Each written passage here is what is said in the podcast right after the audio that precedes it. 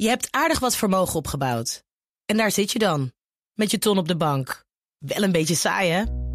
Wil jij, als belegger, onderdeel zijn van het verleden of van de toekomst? Bridgefund is een slimme fintech die een brug slaat tussen de financiële behoeften van ondernemers en van beleggers. Dus wie belegt bij Bridgefund krijgt niet alleen een mooie vaste rente, maar brengt ook ondernemers in beweging. Echt waar, met die ton kan je zoveel betere dingen doen. Bridgefund. Make money smile. Vier over half vijf. Goedemiddag en fijn dat je luistert naar BNR in de middag. We werken nog aan een heleboel verhalen voor je. En terwijl we uitzenden komt er allerlei nieuws binnen, persalarmen. Eén daarvan is de aankondiging van Wouter Koolmees... dat de coronasteun gestopt wordt na het derde kwartaal. Dat vraagt natuurlijk om reacties en die krijg je natuurlijk bij ons. We hadden eerder al Frank Oostdam van een reisbrancheorganisatie in de uitzending. Die schrok ervan. Je zal maar tour operator reisorganisatie zijn die reizen buiten Europa. Ja, naar Nou, Azië kijk, bijvoorbeeld. Kijk ons op de Ja. kaart. Ja, precies. Dat is Ja. allemaal oranje hoor. Kan je Ja. niet naartoe. En als het goed is, spreken we zo ook nog met Koolmees zelf. Dan officieel nieuws uit Zeist. Daar was de KNVB bezig om het functioneren van de bondscoach Frank de Boer te evalueren. Klonk als een lang exitgesprek. Telegraaf, AD, maar nu ook officiële media. De persalarm van de ANP meldt. Frank de Boer vliegt eruit. Dat is geen verrassing, hè? Zeker niet. Saillant was wel dat de allereerste bron de groepsapp van de internationals was. Ongelooflijk, hè? Dan weten we meteen waar de lekken zitten, hè? Ja. Ja. Maar daar gaan we zo ook nog uitgebreid over praten natuurlijk.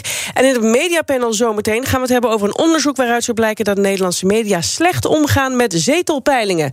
Maar nu eerst, cultuur. Kunstliefhebbers kunnen namelijk een hart ophalen. Na de coronacrisis gaat Art Rotterdam als eerste kunstbeurs van Europa donderdag aanstaande 1 juli van start. Daar gaan we over praten met Fons Hof, de eigenaar van Art Rotterdam. Een hele goede middag. Goedemiddag. Nou, die beurs die is in die prachtige Van Nelle fabriek. Normaal was dat toch een XL-vaccinatielocatie, maar dat is even opgeschort. Hè? Dat, dat, dat, eh, dat, dat, dat is even niet. Dan moet alles wel volledig coronaproof zijn bij jullie. Eh, dat is ook zo. Ja, ja, dus we hebben allerlei eh, coronamaatregelen genomen. Eh, meer ruimte in de architectuur, onder andere looprichtingen. maar de belangrijkste maatregel is gewoon veel minder mensen. Normaal hadden we een normale editie vorig jaar was 28.000 bezoekers. En we verwachten nu eh 14.000 bezoekers, dus ongeveer de helft. Met ook nog verruimde openingstijden. Dus we maken het extra rustig, zodat iedereen eh, anderhalve meter eh, afstand kan houden. Ehm, dan zou je kunnen zeggen. Het is toch hè, de eerste eh, beurs. Ja, beurzen hebben heel lang niet gemogen natuurlijk. En dat snapt Ja. iedereen, want mensen bij elkaar. En tegelijkertijd, ja. als je daarin zit, als je in die branche zit... dan lijkt het me heel eh, vervelend. En een jaar geleden eh, nam je ook nog de fotobeurs Unseen over. Net voor die eerste lockdown was dat. Ja. Ehm, was dat een gevalletje bad timing of ehm, viel dat wel Ja, mee? dat, nou ja, toen, de, dat was eigenlijk tijdens Art Rotterdam waren eigenlijk die onderhandelingen over eh Dat we die over konden nemen. En de dag na Art Rotterdam, dus dat was eh, eh, half februari vorig jaar, eh, hebben we hem overgenomen. Toen was het virus nog niet in Nederland, dus dat was er wel, maar nog niet in Nederland. En toen hadden wij nog geen idee dat het zo'n Nee. enorme omvang zou hebben. En we dachten van ja, als het komt, dan is het binnen een aantal maanden is het bekeken. Ja.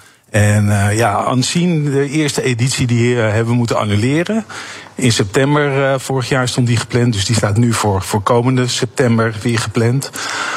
En Art Rotterdam hebben we vorig jaar nog vlak voor de lockdown gedaan.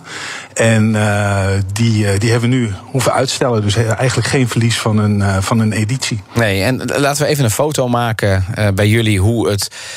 Hoe jullie getroffen zijn dan door de coronacrisis. Ehm, eh, eh, hoe is het eigenlijk de kunstwereld vergaan, zo het afgelopen jaar, anderhalf jaar? Ja, nou, dat is toch wel over het algemeen zwaar. Eh, de galeries die hebben een hele tijd niet open gemogen. Eh, een hele tijd ook beperkt eh, open. En eh, vooral galeries hebben geen enkele beurs gedaan. Er zijn heel veel galeries waarbij Art Rotterdam anderhalf jaar geleden de laatste beurs is geweest die ze hebben gedaan. Ja. En dat is nu ook weer de eerste beurs. Ja, en, en hoe zit het dan met. met, met ik kan me voorstellen dat bezoekers en zo. Dat, dat, dat die dan natuurlijk staan te popelen om te komen. Dat gaat natuurlijk Ja. allemaal op gepaste afstand. Nou ja, en ook nog wat rustiger dan normaal. Alleen nog maar fijn. Alleen ik kan me voorstellen, zo'n beurs, Art Rotterdam. eh, Er zijn niet alleen maar Nederlanders die daar vaak op afkomen. Verwacht je dat er dan ook wel weer internationaal publiek komt? Ja, nou, wij, wij richten ons vooral op de landen om ons heen. Hè. Dus we gaan er vooral uit vanuit dat mensen met het openbaar vervoer of met de trein eh, komen. Mhm. Dus uh, weinig vliegverkeer. Dan merken we ook dat verzamelaars uh, ja, daar toch niet echt voor voelen om in het vliegtuig te stappen. Um, en we merken ook dat er ook nog wel terughoudendheid is. Dus we verwachten niet de volle 100% van de verzamelaars in de omliggende landen te krijgen. Maar ongeveer 70%. Um, ja, we moeten natuurlijk kijken hoe het gaat. Uh, maar we merken ook dat er nog steeds uh, mensen terughoudend zijn. Wat ook niet uh, meewerkt in die zin is dat we nog. Nederland was code rood internationaal gezien tot vorige week. Dus we hebben nu eigenlijk iedereen er nog eens op gewezen dat we code oranje zijn geworden. En dat je in principe zonder testen een bezoek kan doen. Ja, zijn kopers ook niet een beetje gewend geraakt tijdens de coronacrisis om hun kunst op een andere manier te kopen. Want tijdens de coronacrisis ja, moesten galeries natuurlijk ook wat. Dus die organiseerden ja. bijvoorbeeld online viewing rooms. Ik kan me voorstellen ja. dat mensen nu denken... nou ja, dat ging me eigenlijk prima af. Ik hoef helemaal niet meer naar de beurs. Nee, iedereen die snakt naar weer uh, kunst in het echt uh, zien en elkaar live te ontmoeten. Maar uh, het is wel zo dat online een enorme vlucht heeft genomen. We hebben een eigen platform, galleryviewer.com, waar nu ook de catalogus van Art Rotterdam op staat. en daar zien we ook een enorme groei de afgelopen anderhalf jaar in bezoek. dat is meer dan verdubbeld in de afgelopen anderhalf jaar. Ja. Um, en dat werkt in principe eigenlijk heel erg goed. Maar het beste werkt het in combinatie. Dus Toch nog, ja. online Gewoon lekker en offline. Ja. Ja, in combinatie. En wat je nu ziet bij Art Rotterdam is dat mensen zich voorbereiden op de beurs, de catalogus bekijken op galleryviewer.com en dan de beurs bezoeken en oh ja. de werken in het echt zien. Dus als het maar goed is, versterkt het elkaar selectie dan. maken online. Als het goed is, versterkt het elkaar dan dus. Dat online ja. nu straks met, Ja. met, met die Ja. beurs. Ja. Ja, en het maakt het heel transparant. Hè? Je kan online heel makkelijk vergelijken. De prijzen staan erbij. Uh, je kan kijken welke galeries hebben wat. Je kan uh, selecteren op uh, prijs en dan kijken wat, wat, hoeveel werken zijn er. Wat zijn de werken tot 1000 euro of tot 2000 euro of tot 10.000 euro. Dus het maakt de markt ook veel transparanter. Ja, nu eh, zijn er natuurlijk heel veel mensen die op zoek waren om hun geld een plek te geven tijdens de coronacrisis, om het zo maar te zeggen. Hè, dat zag je bijvoorbeeld ook bij de beurzen, de financiële Ja. beurzen gebeuren. Mensen gingen in aandelen. Ik kan me ook voorstellen dat het ook met kunst is gebeurd. Zagen jullie bijvoorbeeld ook dat een bepaalde kunststroming het nu ineens veel beter deed? Um, ja, nou, wij zijn natuurlijk een beurs voor jonge kunst. Uh -huh. uh, en als het echt om serieuze financiële investeringen gaat, dan adviseer ik mensen niet uh, om uh, jonge kunst te kopen.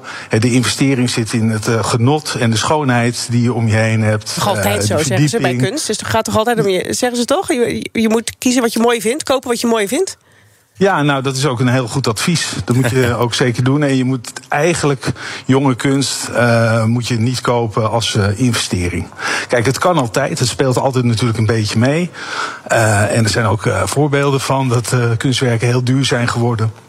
Maar het moet niet in eerste instantie de motivatie zijn om een kunstwerk te kopen. Voor, voor, om, om er geld aan te verdienen. Maar, maar goed, hè, alle ja. mensen die vroeger een Banksy hebben gekocht, die, uh, die denken er natuurlijk weer anders over. ja, ja, ja, Maar goed, dat is, dat is Vanuit een villa met zwembad ja. Ja.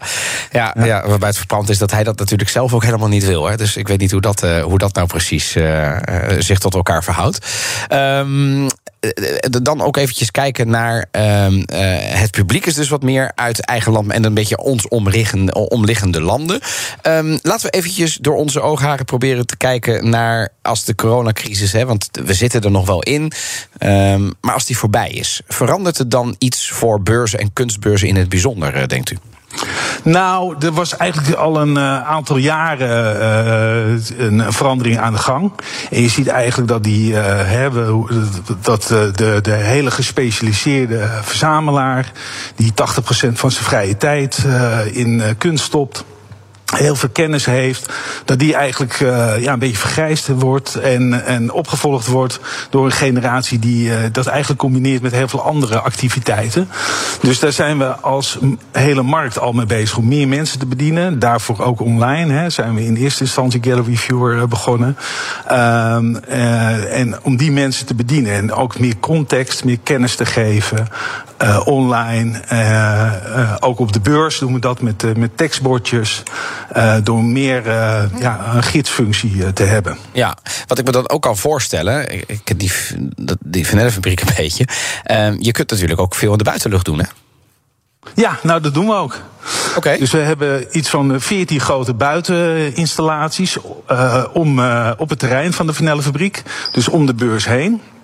En de Vanellenfabriek zelf die is natuurlijk prachtig van de buitenkant.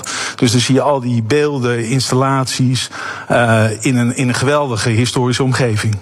Nou, dat is wel mooi. Um, uh, waar heb je zelf het meeste zin in? Um, ja, morgen is de opening en uh, donderdag uh, gaat het voor het publiek open. Ja, ik heb het meeste zin om de mensen te spreken en te zien genieten van kunst. En de, de interactie tussen de, de, de, bezoekers en de galeriehouders, daar zie ik het meeste naar uit.